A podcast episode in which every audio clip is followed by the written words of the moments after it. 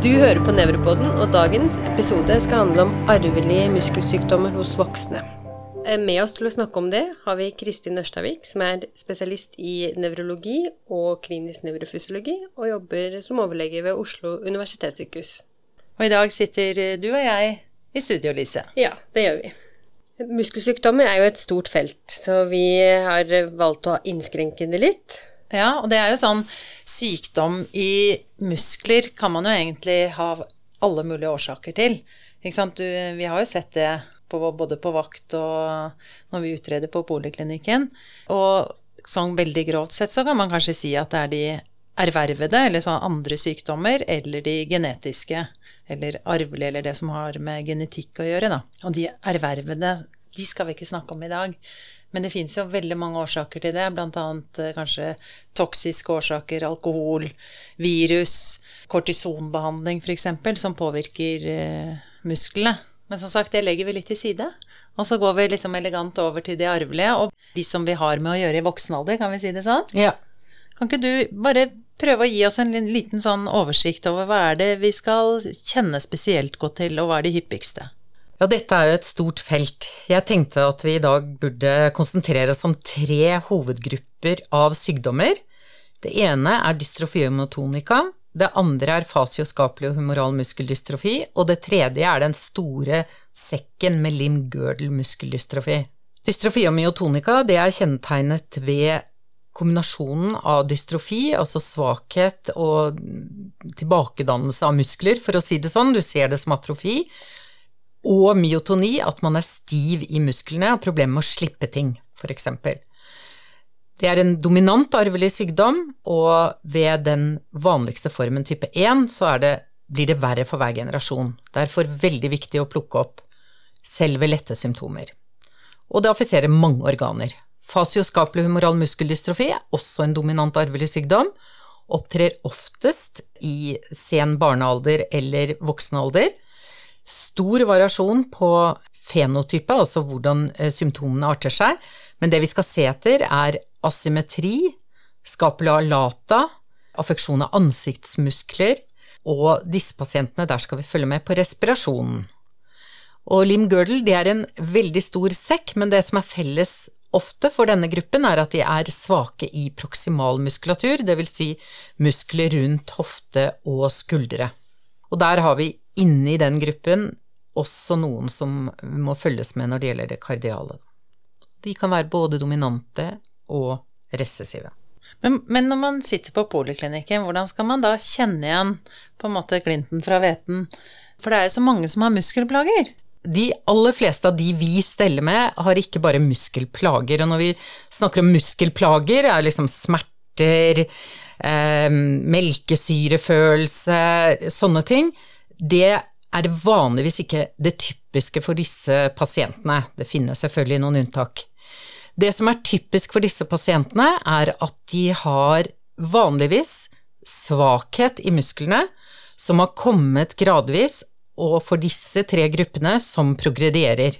Har de typisk proksimal eh, svakhet, eller er det jevnt fordelt? Nei, det er forskjell. Sånn at dystrofi og myotonika, som er en kombinasjon av både myotoni, stivhet i muskler, og dystrofi, destruksjon eller ødeleggelse av muskler, de starter ofte distalt, faktisk, i eh, føttene, men kan også bare affisere ansiktet i begynnelsen, eller svelgingen, eller som vi har vist eh, nylig, at de kan få ganske tidlig affeksjon i magemusklene.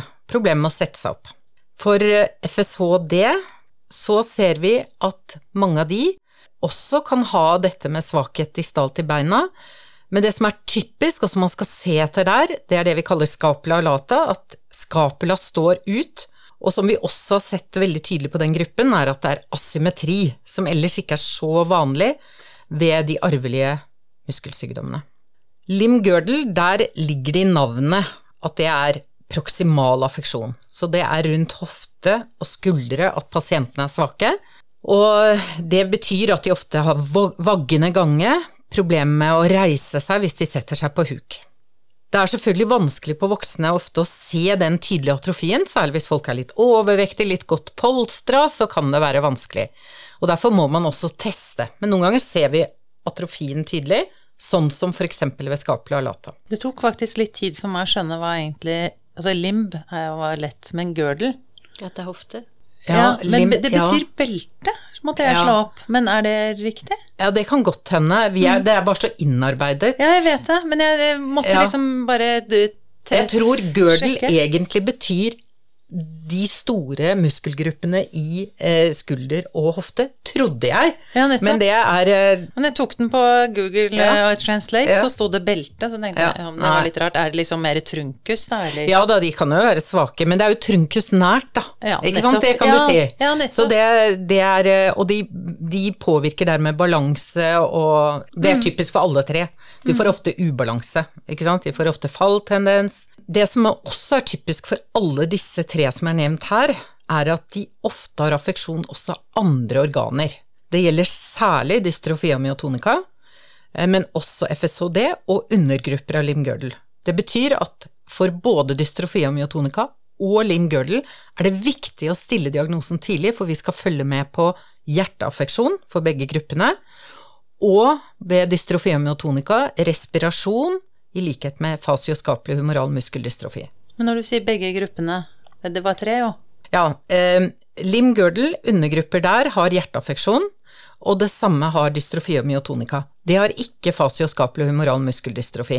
Nei. De derimot får ofte behov for respirasjonsstøtte fordi de har mye affeksjon av diafragma og eh, andre muskler, muskler som vi trenger for å puste.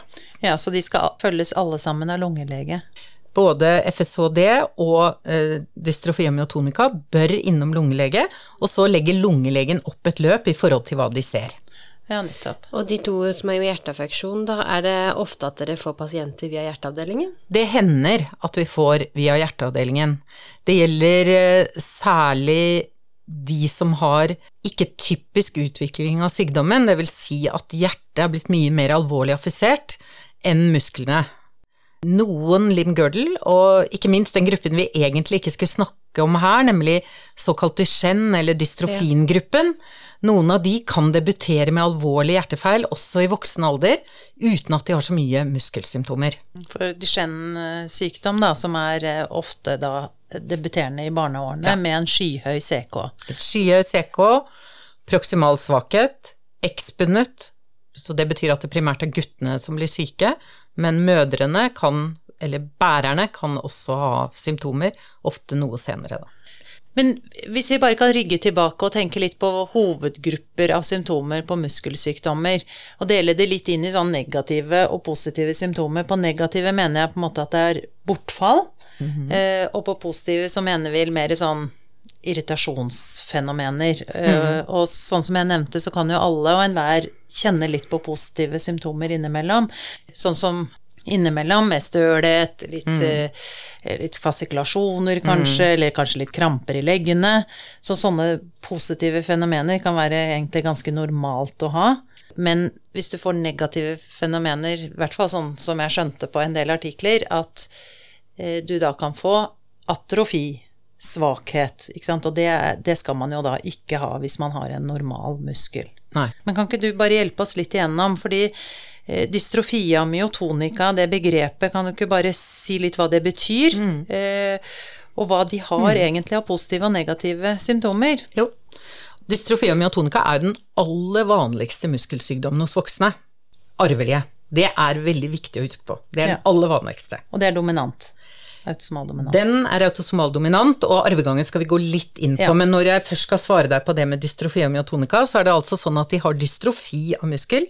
De får eh, henfall av muskel, de får atrofi, de får svakhet. Men i tillegg så har de myotoni, og det er det at musklene ikke relakserer.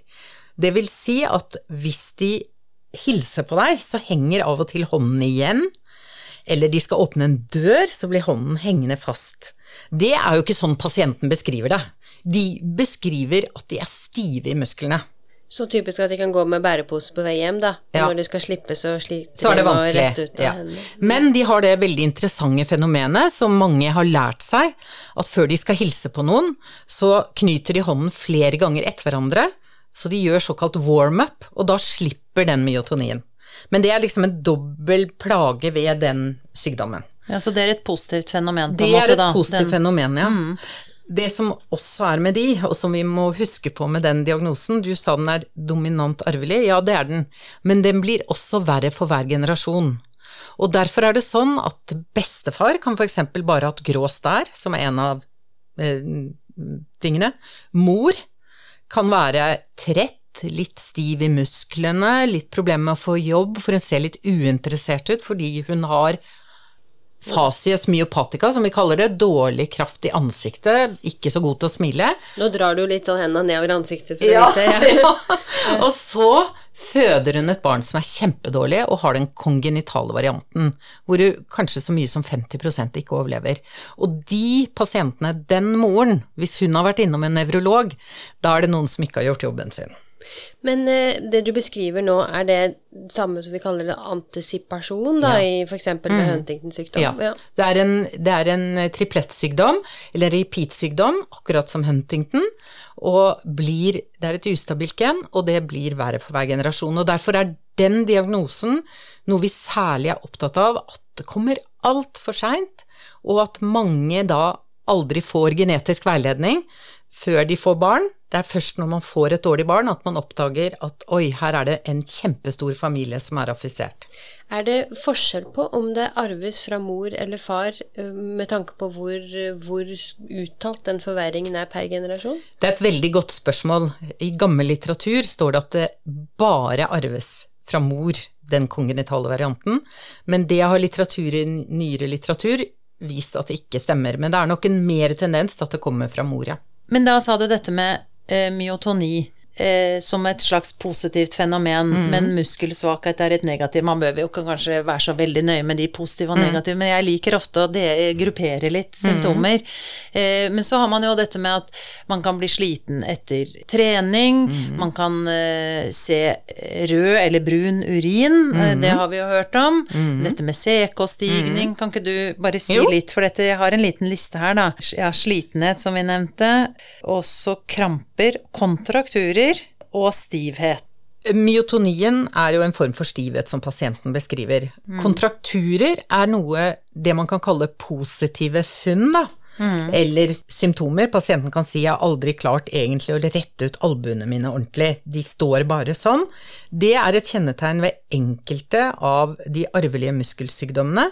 Kanskje vanligere hos de vi kaller medfødte myopatier, som også vi kan se i voksen alder, men vi vi kan se hos pasienter som har stått over lengre tid med en muskeldystrofi, at man får det som heter kontrakturer. Så det er et positivt symptom vi kan, eller funn vi kan se. Når det gjelder mørk urin, eh, tendens til rabdomyolyse, så gjelder det noen få av pasientene med arvelige muskeldystrofier. Eksempel Duchenne, som vi snakket om, eller den lettere varianten Becker, de kan ha det. Og noen av de andre eh, muskeldystrofiene, uten at det er veldig typisk, det er ofte noe vi ser hyppigere hos de metabolske, som vi ikke skal gå inn på nå, men som Ja, også er arvelige. Så, så de gruppene vi snakker om nå, så er det sånn som du sier, de positive fenomenene er mer smerte og myotoni hos dystrofia myotonica, og faso ja, humero. Fasioskapulohumeral muskeldystrofi. Ja, og de Der er det mer eh, svakhet. Ja, men det du kan tenke deg er at når du får, og det gjelder på en måte alle disse, når du får faktisk svakhet, som det du kaller et negativt symptom, så er det sånn at får du svakhet i visse muskler, men beholder, og det er jo det rare, vi skjønner ikke hvorfor det er visse muskler, hvorfor, altså fasioskapulohumeral muskeldystrofi, de har skapelig alata, men de har veldig velformede deltoid ofte. Litt sånn dronning Silvias skuldre, du ser liksom at trapesus heiser seg litt opp, altså når du får den asymmetrien i, over ledd, så får man jo veldig ofte plager. På samme måte som andre som kommer med muskelplager. Så vi kan ikke utelukke at smerter Nei, har du smerter, da har du ikke noe arvelig, liksom. Nei. Sånn er det ikke. Og faktisk, fasioskapelig humoral muskeldystrofi er det i litteraturen sagt at de har mye smerter. Klinisk er jeg vil jeg ikke si at det er, er så typisk, for mine pasienter iallfall. Men har de her pasientene vært helt friske fra de var små, og så er de utviklet når de blir eldre, eller man, kan man gå tilbake og spørre de Var du litt tregere enn de andre når du skulle løpe, eller eh, har du på en måte merket at det var noe annerledes? Anamnesen er kjempeviktig. Det du sier der, er f.eks. dystrofi og myotonika, da. De kan ofte debutere i barneår med lærevansker. For få venner, litt autismespekter, og så kommer de motoriske symptomene kanskje bare først i sen tenår eller voksen alder. Når det gjelder fasioskapelig moral muskeldystrofi, så er det en det kan debutere 10-12-15-18 års alder. Før det syns jeg sjelden de snakker om det, at de har vært svake. Og når det gjelder den store gruppen av lim-girdle, som det nå er veldig mange forskjellige genetiske årsaker til, så er det stor variasjon. Der er det noen som har vært supergode i sport, og så plutselig fallerer de. Da tenker vi på én type genetisk eh, limgirdle, og andre har vært helt ok, og så kommer det gradvis. Så det er veldig stor variasjon, men vi tar alltid anamnese på hvordan utviklingen har vært, selvfølgelig familieanamnese, er det noen andre i familien? Særlig for å finne ut er det dominant arvelig, er det tendens til at dette går gjennom flere generasjoner? Eller er det en tendens til at det er resessivt, recessivt, altså at det er samme, i samme generasjon, at det er flere søsken som er affisert, mens foreldrene er friske? Eller at vi finner tegn til ekspunnet arv, altså at det kommer fra mor, da. Kan vi gå litt igjennom arvegangen for de tre ulike ja. typene vi har snakket om? Da har vi jo snakket først om dystrofi og myotonika, og der er det som sagt dominant arvelig eh, med antisipering ved fasioskapelig moral muskeldystrofi, det er også en dominant arvelig sykdom. Det vi ser der, er at det ser ikke ut til å bli verre for hver generasjon, der er det litt diskusjon i litteraturen. Men utrolig variasjon med fenotypen. Sånn at jeg har hatt pasienter som kommer i 30-40-årsalderen og sier nei, det er ingen i min familie. Ja, faren min han er jo liksom Han er litt eh, har hatt litt vondt i ryggen. Og så tar vi far inn, og så har han skapelig alata og klarer ikke å sette seg opp når han ligger på benken, og svak i magemuskler. Den faren jeg tenker på nå, han er allerede på respirasjonsstøtte om natten. Ikke sant? Man kan gå gjennom livet og få veldig lite symptomer, og få barn med mye symptomer. Og det er først da når voks, det voksne barnet kommer, at man finner flere i samme familie. Med lim-girdle så er de aller fleste Eller der er det to grupper, sånn at eh, de fleste der er recessive, men det finnes også en del dominante, og nylig er det beskrevet en som er veldig hyppig i Norge, som er dominant, og hvor det er ganske sein debut, ofte 50-årene, med svakhet særlig i det vi kaller aksialmuskulatur, i ryggmuskler, og de har faktisk også en tendens til å ha en del smerte først, også CK. Så jeg vet ikke om dere vil jeg skal gå gjennom hva gjør du når det kommer en sånn pasient? Hva jo, gjør vi? Det vi alltid skal gjøre, er å gå gjennom nese og en vanlig mm. nevrologisk undersøkelse. Ja. Men særlig det som går på tilleggsundersøkelser, mm. som vi bør tenke på hos en sånn mm. pasient. Ekstremiteter er jo veldig viktig når vi tenker sentralnervesystemet, men i denne pasientgruppen er det faktisk veldig viktig å kle helt av de og se hvordan ryggen er. Eh, har de skoliose? Det er en overhyppighet hos veldig mange av de arvelige. Har de atrofi i ryggmuskler? Kan de løfte hodet fra underlaget? Kan de sette seg opp uten å bruke armene for å teste magemuskler? Kan de sette seg på huk og reise seg opp igjen uten å holde seg? Er det det tegnet der, der du på en måte flytter hendene oppover ja. langs bedene for å klare mm -hmm. å reise deg? Govers, eller Govers tegn, ja. Govers det er typisk for lim girdle særlig. Mm. At de er proksimalt svake. Det er beskrevet egentlig først med Duchenne, hvor du ser de små guttene som begynner å klatre oppover seg selv for å komme opp. Eh, men vi ser det også veldig tydelig hos voksne med proksimalsvakhet. Og så nevnte du det med magemuskler, men det er en også test der du løfter hodet, og så er det forskjell i styrken på nedre og øvre ja. magemuskler. Faktisk, nå klarer jeg ikke å huske akkurat Beavers tegn! Ja. Ja. Bare si det en gang til, du. Beavers tegn, ja. Altså hvis du legger en blyant mot navlen, så ser du at navlen beveger seg litt oppover fordi at de er litt sterkere i det øvre delen av magemusklene. Så den dras liksom litt opp, da. Nedre del er veldig dårlig. Det er typisk for fasioskapelig humoral muskeldystrofi. Men nå er vi liksom ute i sånn mer sånn feinschmecker-gaten, eh, vil jeg si. At eh, det man derimot ved FSHD heller kan tenke på, er at mange av de har det vi kaller en aksial fold Og det er fordi pektorallys er ulikt affisert, og da ser du at de får sånn som alle damer over 45-50 får, nemlig en sånn liten, ekstra liten sånn hengegreie som er, henger over BH-en. Og når du ser det hos en ung mann med scapula lata, da behøver du bare gjøre denne ene genetiske testen, FSHD. Mm. Ja. Så kle av pasienten, sånn at man får sett all muskulatur. Sjekke ut styrke på benk også, hvordan de Fordi man skal kunne altså ligge på benken og ta armene eh, over kors, mm. over skuldrene, mm. og så skal man kunne reise seg opp uten å sette seg opp. Ja. Uansett om du har gått gjennom sex, og om du er kjempeovervektig. Jeg gjør det på alle pasienter nå, bare for å sjekke, også de jeg mener ikke har noe, for å være sikker. Og, men det du skal huske, da, nå, det er også litt ut i feinschmecker, men hvis du er svak i nakken, da klarer du ikke det. Så du, hvis du skal teste det separat, så må du først sjekke nakken. Eller så må du holde hodet til pasienten hvis de er svake i nakken, for å teste separat magemusklene. Ikke sant. Og så får vi litt mindre ut av refleksundersøkelse ved, ja. på muskelsykdommer. Ja. Men det er ikke uvanlig at har du en svær distal atrofi av muskulatur, så er det ikke uvanlig at vi ser at akillesrefleksen er borte. Og så er det jo noen av disse som faktisk også får nevropati i tillegg. Hvor mye supplerende undersøkelser gjør du? Det vi ofte gjør, er å ta Eller det vi alltid gjør, er å ta CK. Og det er veldig underlig at mange ikke har tatt CK, kommer med spørsmål om det. Men en normal CK utelukker ikke en muskelsykdom.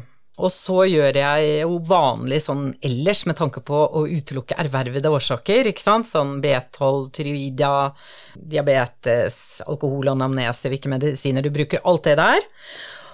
Så bruker vi kanskje i mindre grad, og det er jo litt som å banne i kjerka hjemme at jeg er klinisk nevrofysiolog, men vi bruker nok i mindre grad eh, nevrofysiologi på de hvor vi er rimelig overbevist om at det er en muskelsykdom. Det vanskelige er de som har bare distal affeksjon, og hvor vi begynner å lure er dette nevropati eller myopati. Da gjør jeg det.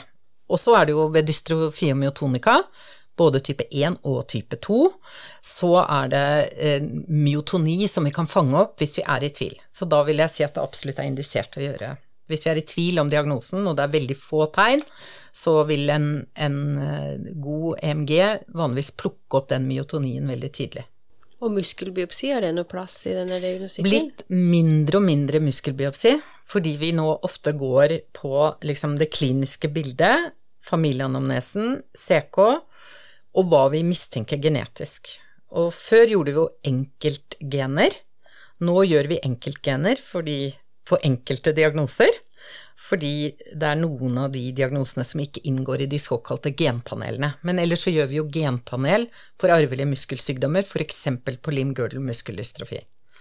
Mens FSHD må vi sende fremdeles til utlandet, og dystrofi og myotonika 1 og 2, de må vi ta separat. De inngår ikke i eh, genpanelene. Men eh, du sa det at det er en veldig karakteristisk lyd eh, når du gjør EMG. Eh, mm -hmm.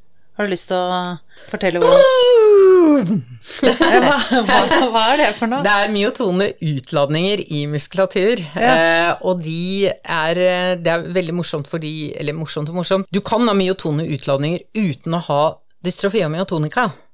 For det er enkelte andre muskelsykdommer som også kan ha det. Eh, men det er karakteristisk, og noen kaller det at det har med hvordan eh, bombene falt under annen verdenskrig. Det var sånn nevrofysiologene bestemte det, at det er som en sånn falling bomb. Men hvor vanlig, eller hvor uvanlig er det her? Ja, dystrofia myotonica, der sier man én per fire til 8000 mennesker. Og det som er, er at vi vet ikke. Det, jeg husker ikke om det var i Tromsø, så tror jeg de fant, for der gjorde de en større undersøkelse for noen år siden, der fant de vel at forekomsten var noe sånt som 13 15 per 100 000, og ca. halvparten for den som vi ikke har snakket så mye om, den dystrofiamyotonika type 2, da. Men kan ikke du bare si det, oversette litt av hvor mange er det i Norge? Aner ikke. Ja, men sånn cirka ish. Hvis vi regner over, da. Er det, så, er det mange tusen? Ja, hvis det var 13 per 100 000, så må vi hjelpe Ja, da må du ta hoderegningen. Ja, vi, vi, tar igjennom alle tre gruppene en gang til. Dystrofia myotonica var 13 per 100. Ja, så hvis vi I Nord-Norge. Mm. Ikke sant, så da er det 1300 er eh, 10 millioner, må vi dele på to, så da er det 650 Ja, cirka i Norge. Cirka. Og dystrofi og myotonika er uh, ca. halvparten av det. Men Ja. det er en mindre alvorlig sykdom, da. Så, og så har du de andre. Og de andre er mindre vanlige, men der har jeg ikke tallene i hodet. Så det Nei, kan så jeg ikke svare på det. Ja, det er, ja, det er det. Noen hundre i hver, minst. Nei, og når det gjelder den store limb-girdle-gruppen, så tror jeg ikke vi har oversikten. Fordi at der er det jo veldig mange undergrupper. Jeg Da må jeg slå opp. Hvor mange numre har man kommet opp til nå? For dette, du deler det inn i liksom limgirdle D for dominante og R for resessive, og før så var det vel litt andre tall, men Mm. ja. eh, Man gikk tom i alfabetet, for å Ja, si det nettopp, sånn. ja. Så man hadde det fra A til og så ikke æ, ø, å. Da man var kommet til slutten av det, så skjønte man at man måtte lage en ny innledning.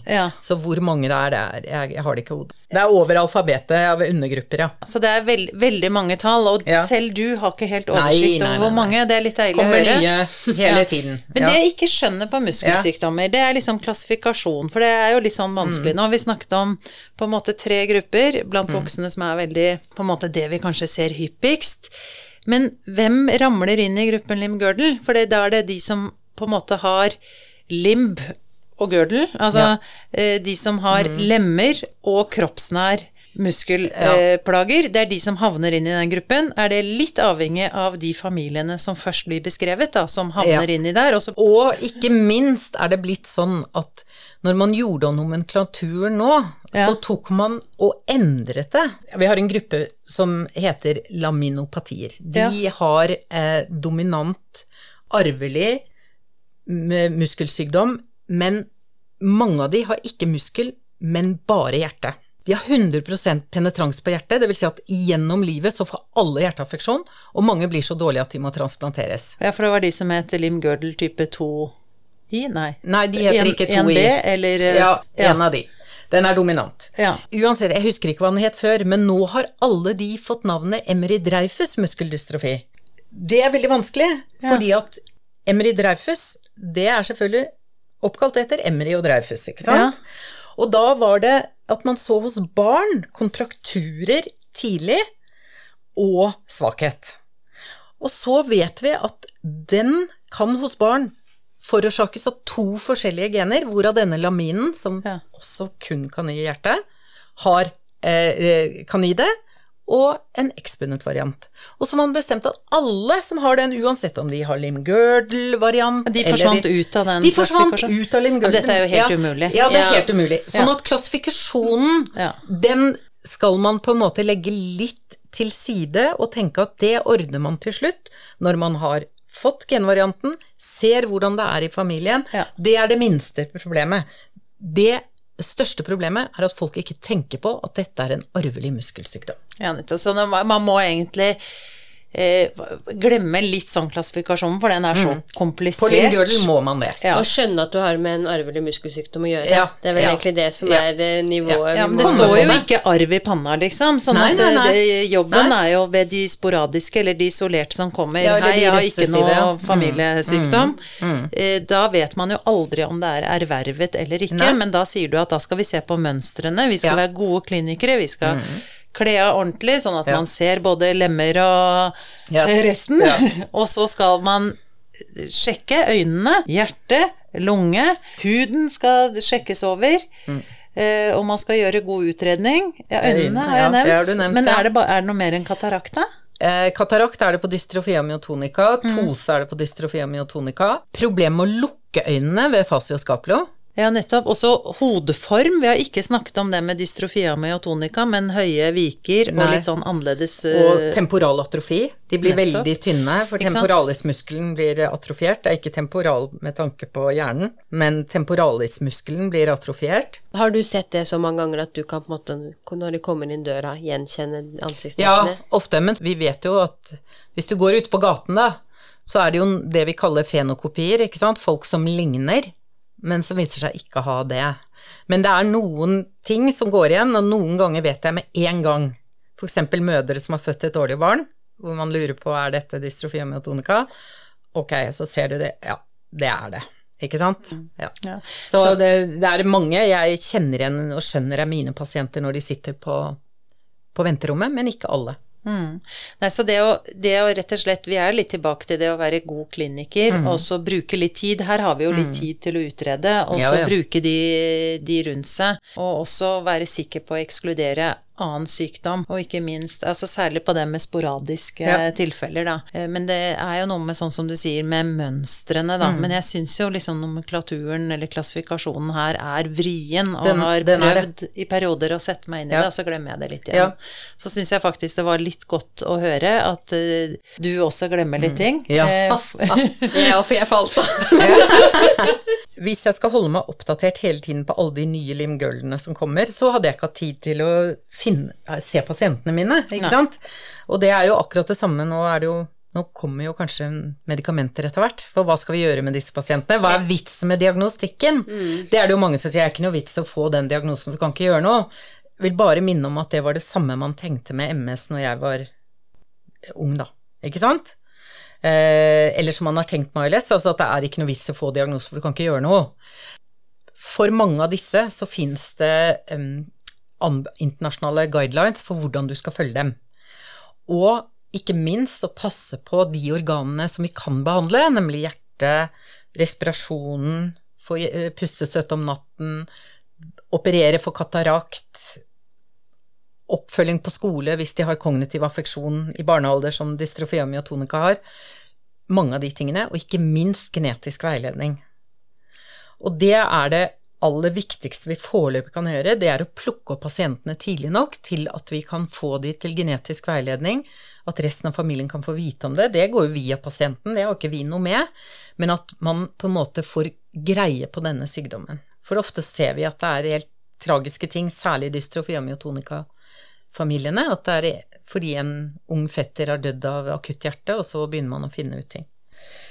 Jeg syns vi fikk en god oppsummering, og det var jo, dette var jo litt komplisert, Lise. Det var det. Og så bare, apropos girl som vi snakka om, så googler jeg det, og der er det beskrevet, hvis man googler, så er det da bilde av veldig sånn fin sånn Det ser ut som sånn hold-in-shorts uh, uh, med høyt liv. For det er beskrevet som et belte eller formsittende fundamentplagg som omkranser nedre del av overkroppen, strekker seg under hoftene og brukes ofte til formell støtte. Det er kanskje det området det er snakk om, da. Ja, nettopp. Ja. Ja. Så da har vi Google på plass, da. Hvis noen lurer hvilket område det er snakk om, så kan man google. Så tusen takk for at du kom. Takk for at jeg fikk komme.